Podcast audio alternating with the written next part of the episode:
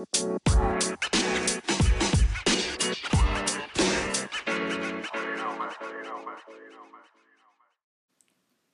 hæ og verið velkomin í fymta þáttin af Ég elska Eurovision. Í dag ætlum við að halda áfram upptalninguna á framlögum í keppninni í ár eftir stafrúsröð en ég ætla að byrja á örstuttum glænýjum fréttum úr Euroheiminum. Nú á dögunum var gefin út uppröðinin á löndunum í undankeppnunum tveimur og vitum við því núna að Daði og Gagnamagnið munu flytja sitt lag áttundu á sviðið í setni undakeppninni, nánar tiltekið 50. kvöldið 20. mæ. Ég myndi segja að það séu fleiri töluvert lagari lög í okkar undankeppni meða við þá fyrri, þannig að líkurnar eru ansi háar á að við komumst áfram í ár, en við Íslandikar segjum það og reyndar alltaf svo það maður hefur allan varan á en við höldum ennþá okkar sjönda sæti í veðböngunum. Annars var EBU eða The European Broadcasting Union og hollensku stöðarnar sem halda keppnin í ár að gefa út yfirlýsingu um fyrirkomula keppninar. Það var búið að gefa út fjórar mögulega leiðir til þess að halda keppnina og tilkynnt hefur nú verið að leið B hafi orðið fyrir valinu. Leið B kalla þeir einfallega social distancing.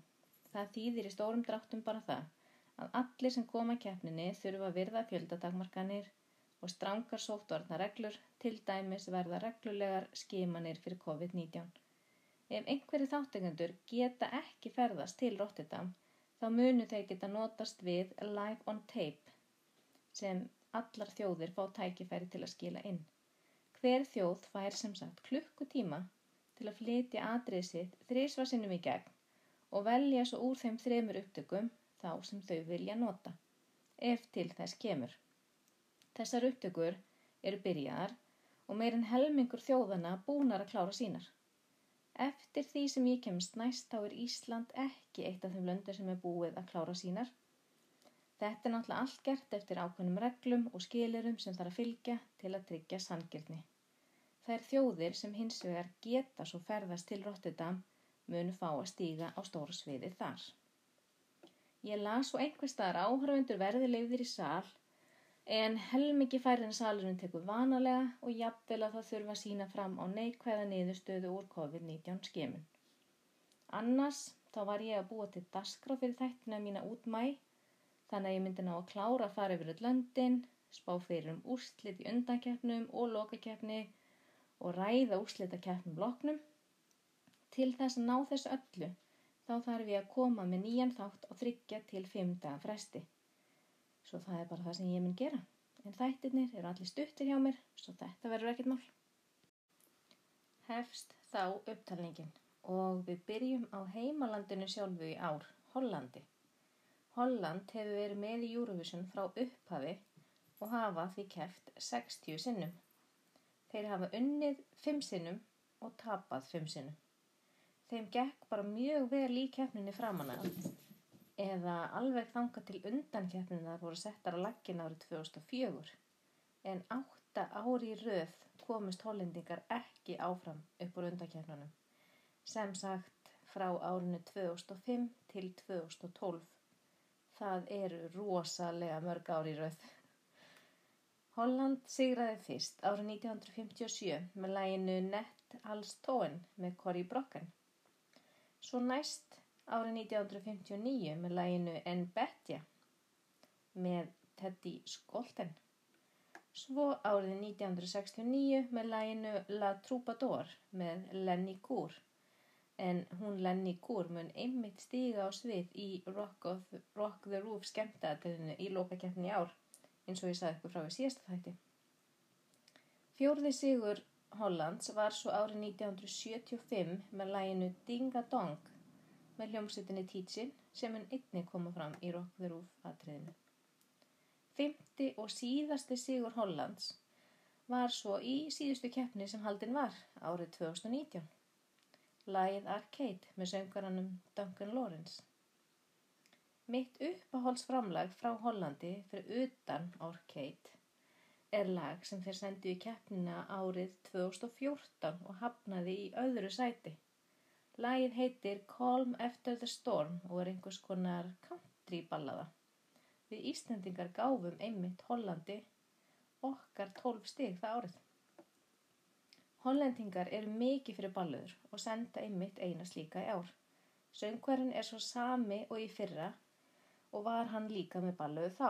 Surprise, surprise. Sú ballaða var samt alveg rosalega róleg og var meira bara eins og vögguvísa. En lagið í ár er þó aðeins meira fjör og aðeins eftirminnilegra að mínu mati.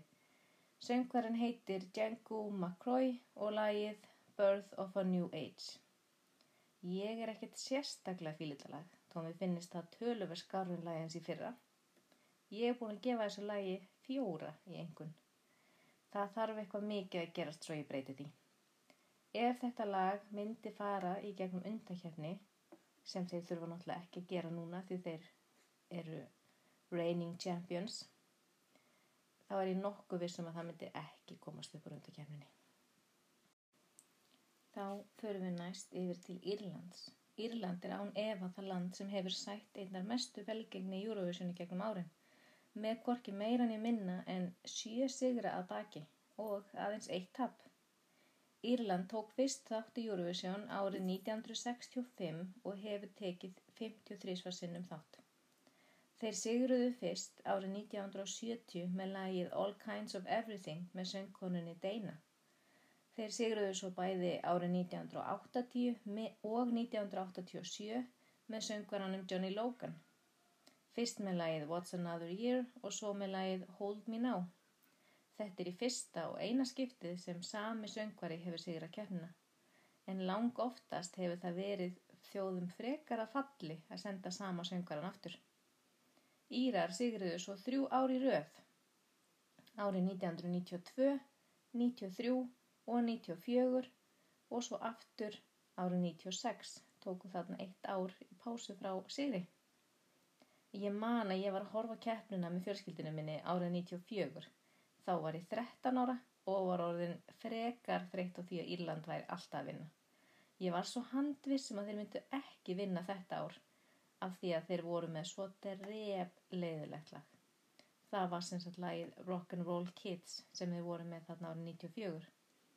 Ég var svo nexlið þegar úslindi voru tilkynnt og þeir unnu. En í dag finnst mér þetta sjálfsögðu mjög flott lag og skilvelið hafi unnið en 13 ára ég var sko alls ekki ána með þetta. Uh, uppahálds íska framlægi mitt er líklegast hold mín á ef ég þarf að velja eitthvað. Írum hefur alls ekki gengið jafnvel í keppninni síðastliðin ár eins og fyrst og hafa til dæmis ekki náð sæti í topp 5 síðan árið 1997. Af 16 skiptum í undankefnum hafa þeir komist áttasinnum áfram. Mér finnst eiginlega eins og þeir séu bara hættir að reyna að senda góð lög. Það gætur svo sem alveg verið raunin, þeir nennar kannski ekki þurfa að halda keppnuna í áttundaskiptið. Þetta er rosa dýrt og rosa mikið vesen. En í ár senda Írar söngkonuna Leslie Roy með lagið Maps og er þetta lag eitthvað sem mun klálega lenda fyrir neðan miðju í úslitum frekar óspennandi. Og það er eitthvað við röttina í söngkunni sem pyrra með aðeins. Ég veit ekki hvað það er. Ég gef þessu lagi ekki nema 5 í engun. Ég gaf því fyrst 6 en ég lækkaði það svo því það pyrra mig meir og meir í hver skipti sem ég hlusta á það. Jæja, þá er næst komið að okkar eina og sanna Íslandi, stórasta landi heimi. Við erum örgulega eina landið sem er alltaf alveg handvissum að núna séum að fara að vinna í Eurovision. En þegar veðbunkarnir voru loksins sammál okkur, þá var keppninni auðvita aflýst. Okkur er sennilega bara ekkert ætlað að sigra. En það þýðir samt ekki að það sé ekki gaman að vera með. Ísland tók fyrst þátt árið 1986 með Gleðibankanum og höfum við tekið þátt í 32 skipti. Eins og við öll vitum þá hefur Ísland aldrei unni Eurovision en við höfum þrísvarsinnum tapað. Það voru árið 1989 með lægið Það sem enginn sér flutt af Daniel Ágúst, árið 2001 lægið Angel með duetnum Too Tricky og svo árið 2018 með lagið Our Choice flutt af Ara Ólafsinni. Besti árangur okkur Íslendinga hins vegar voru árið 1999 þegar Selma Björns lendi í öðru sæti með lagið All Our Block og 2009 þegar Jóhanna Guðrún lendi í öðru sæti með Is It True. Við höfum sex sinnum komist í topp 10 í kefninni en síðan undan kefnina byrjuðu árið 2004 höfum við nýju sinnum komist áfram af 16 skiptum. Uppaháls íslensku framlögin mín eru klálega Nína með Stepp og Eyva frá 91, Telmi með Telm og Einari frá 2000 og Hatrið mun Sigra frá 2019. Í ár fer daði og gagnamagnið til Rotterdam fyrir hönd Íslands og eins og ég hef nefnt nokkur sinnum hér í þáttunum þá held ég mikið upp á daða og lagið og ég gef því 8,5 í einhvern. Lagið heitir 10 Years og fjallar um samband daða og konunar hans, rosa grútlegt allt saman. Eina sem ég myndi setja út á varðandi atriðið eru búningarnir. Ég elska hvað þau eru öll kvorki og ég elska dansbúrin en ég held að þó svo þau myndi mæta í, þú veist, jakkafötum eða eitthvað, þá myndi þetta kvorkinni samt alveg skila sér til áhörönda. Mér fannst búningarnir passa vel í myndbandinu og í söngvakefniðna heima, en fyrir stóra sviði í Rotterdam þá væri ég til ég að sjá fallegri fött á daða á gagnamagninu. Það myndi líka kannski sjokkar óksla marga. Daði geti til dæmis verið í svörtum jakkafötum og kannski svörtum ból innanundir með svona síkvölmynd á andlutan á sér eða eitthvað. Það væri svona aðeins meira sofistikeiritt, en samt með smá dass af kvörkines. Æ, ég veit ekki, ég sé þetta bara fyrir mér og ég held að það væri óksla flott að sjá þau fallega dressu á sviðinu. Þá er næst komið að Ísrael. Ísrael hefur 42 sinnum kæft í Eurovision síðan árið 1973. Þeir hafa unnið fjóru sinnum aldrei tapað. Fyrsti sigur Ísraels var árið 1978 með læginu Abani B. Svo sigruðu þeir aftur árið setna með lægið Halleluja. Dana International sigraði svo árið 1998 með læginu Diva og síðast sigraði Ísrael árið 2018 þegar Netta söng lægið Toi. Eftir sigur Ísraels tvö ári röð árin 78 og 79 höfðu þeir ekki efna að halda keppnuna aftur 1980 og var ákveð á síðustu stundu að Holland myndi halda keppnuna fyrir þá það árið. En svo þegar dagsetning á keppninu var komin í ljós þá var það þjóðháttíðadagur Ísraels. Eh, ég held að sé þjóðháttíðadagur það stóð allavega Memorial Day. Þannig að þeir gátt ekki tekið þátt.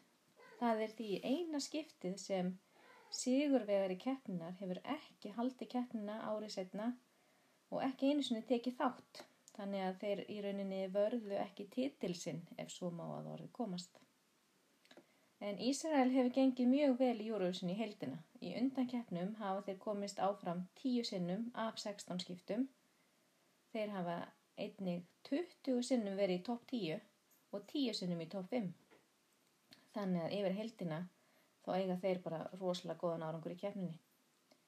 Uppaháls framlög mín frá Ísrael eru líklega Abani B og svo Golden Boy frá árunni 2015 sem lendi þá í nýjendasæti. Í ár sendir Ísrael söngkonuna Eden til Rotterdam. Eden sennilega. En þetta er sama söngkona og hafði verið valin í fyrra. Lagi sem hún flytur heitir Set Me Free og er bara mjög gott lag. Þeir gáfu nýverið út endurbætta útgáfa af laginu sem gerði það verkum að ég hækkaði einhverjuna sem ég á búin að gefa þeim úr 7 upp í 7,5. Söngkonan er mjög góð, mjög sætt, með mjög eftirminnilega rödd og það er alveg hægt að dilla sér smá við þetta lag og syngja með þannig að lagið hefur klálega alla börði sem þarf til að komast upp úr undankjafninni. Þá skulum við fara yfir til Ítalíu, síðasta landi sem ég mun taka fyrir þessum þætti. En Ítalija tók fyrst þátt í Eurovision árið 1956 og hafa tekið þátt 45 sinnum síðan. Ef þið heyri læti hérna í bakgrunnum hjá mér þá eru brjálaðir kettir að leika sér hérna kringum mig. Ég beðist afsökunar. Það eru þarna nokkur árin á milli sem Ítala, Ítalja tók ekki þátt í keppninni. Til dæmis tóku þeir hlið frá keppni frá árinu 1998 alveg til ásins 2011 vegna meints áhugaleysis hjá ítalsku þjóðinni. En síðan þeir hófuð þátt okkur svona aftur árið 2011 hafa þeir aldrei þurft að fara gegnum undankeppni þar sem þeir tilheyra The Big Five á samt Breitlandi, Fraklandi, Spáni og Þískalandi. Ítalja hefur sigra keppnina tvísvar sinnum og einu sinni tapað. Þeir sigruðu fyrst árið 1964 með læginu Non Ho Leta og svo árið 1990 með læginu Insieme 1992. Ég kannast ekkert við þessi lög þegar ég var að lesa mig til fyrir þáttinn og þurfti að fara á YouTube til að hlusta á þau og ég verði að viðkynna að ég meðan bara ekkert eftir þessum lögum. Ég held ég hafi bara ekki heyrti áður. Ítalir hafa 33 var sinnum endað í topp 10. Svo það er óhægt að segja að þeim hafi gengið vel í keppninni. Líklegast bara langt best af öllum Big Five löndunum. Ég horfði á myndband af öllum framlegum Ítalju til að velja mér mitt upp á slag. Og ég ætla að velja framlag þeirra frá árunnu 2019 sem mitt uppáháls það var hann Ma Mahmoud sem flutti lagi Soldi og lendi öðru seti. Annars eiga þeir ótrúlega mörg góðlegu keppninni. Til dæmis Grandi Amor sem lendi þriðja seti í mjög hardri keppni árið 2015. Í ár sendir Ítalija rocklag í keppnina. Það er eitthvað svo úr karakter fyrir Ítalija. En ég er virkilega mikið að fíldalag. Lagið heitir City e Buoni með hljómslutinni Maneskin. Maður myndi aldrei gruna að um Eurovision lag var að ræða ef maður heyrði lagi í útvarpinu án kynningar. Ég gef laginu átta einhvern og er mikið að íhuga að hækka einhvern að hjá þeim eftir að hlusta svolítið meir á lagið í páskafríinu en höldum þessu bara svona eins og er. Þá erum við búin að renna snögglega yfir sögu fimm landa í þættinum í dag og ætla ég að láta þetta dög í byli. Ég vil ekki drekka ykkur algjörlega í upplýsingum og upptalningum. En takk kærlega fyrir að hlusta og mér þætti ótrúlega væntum að þið myndu deila þættinum með vinum og vandamennum. Endilega sendi mér svo skilaboð á Instagramið mitt Rósa Sofja ef þið hafið einhverja spurningar eða ábendingar varðandi þættin. En ég hveð þá sinni. Bæjó!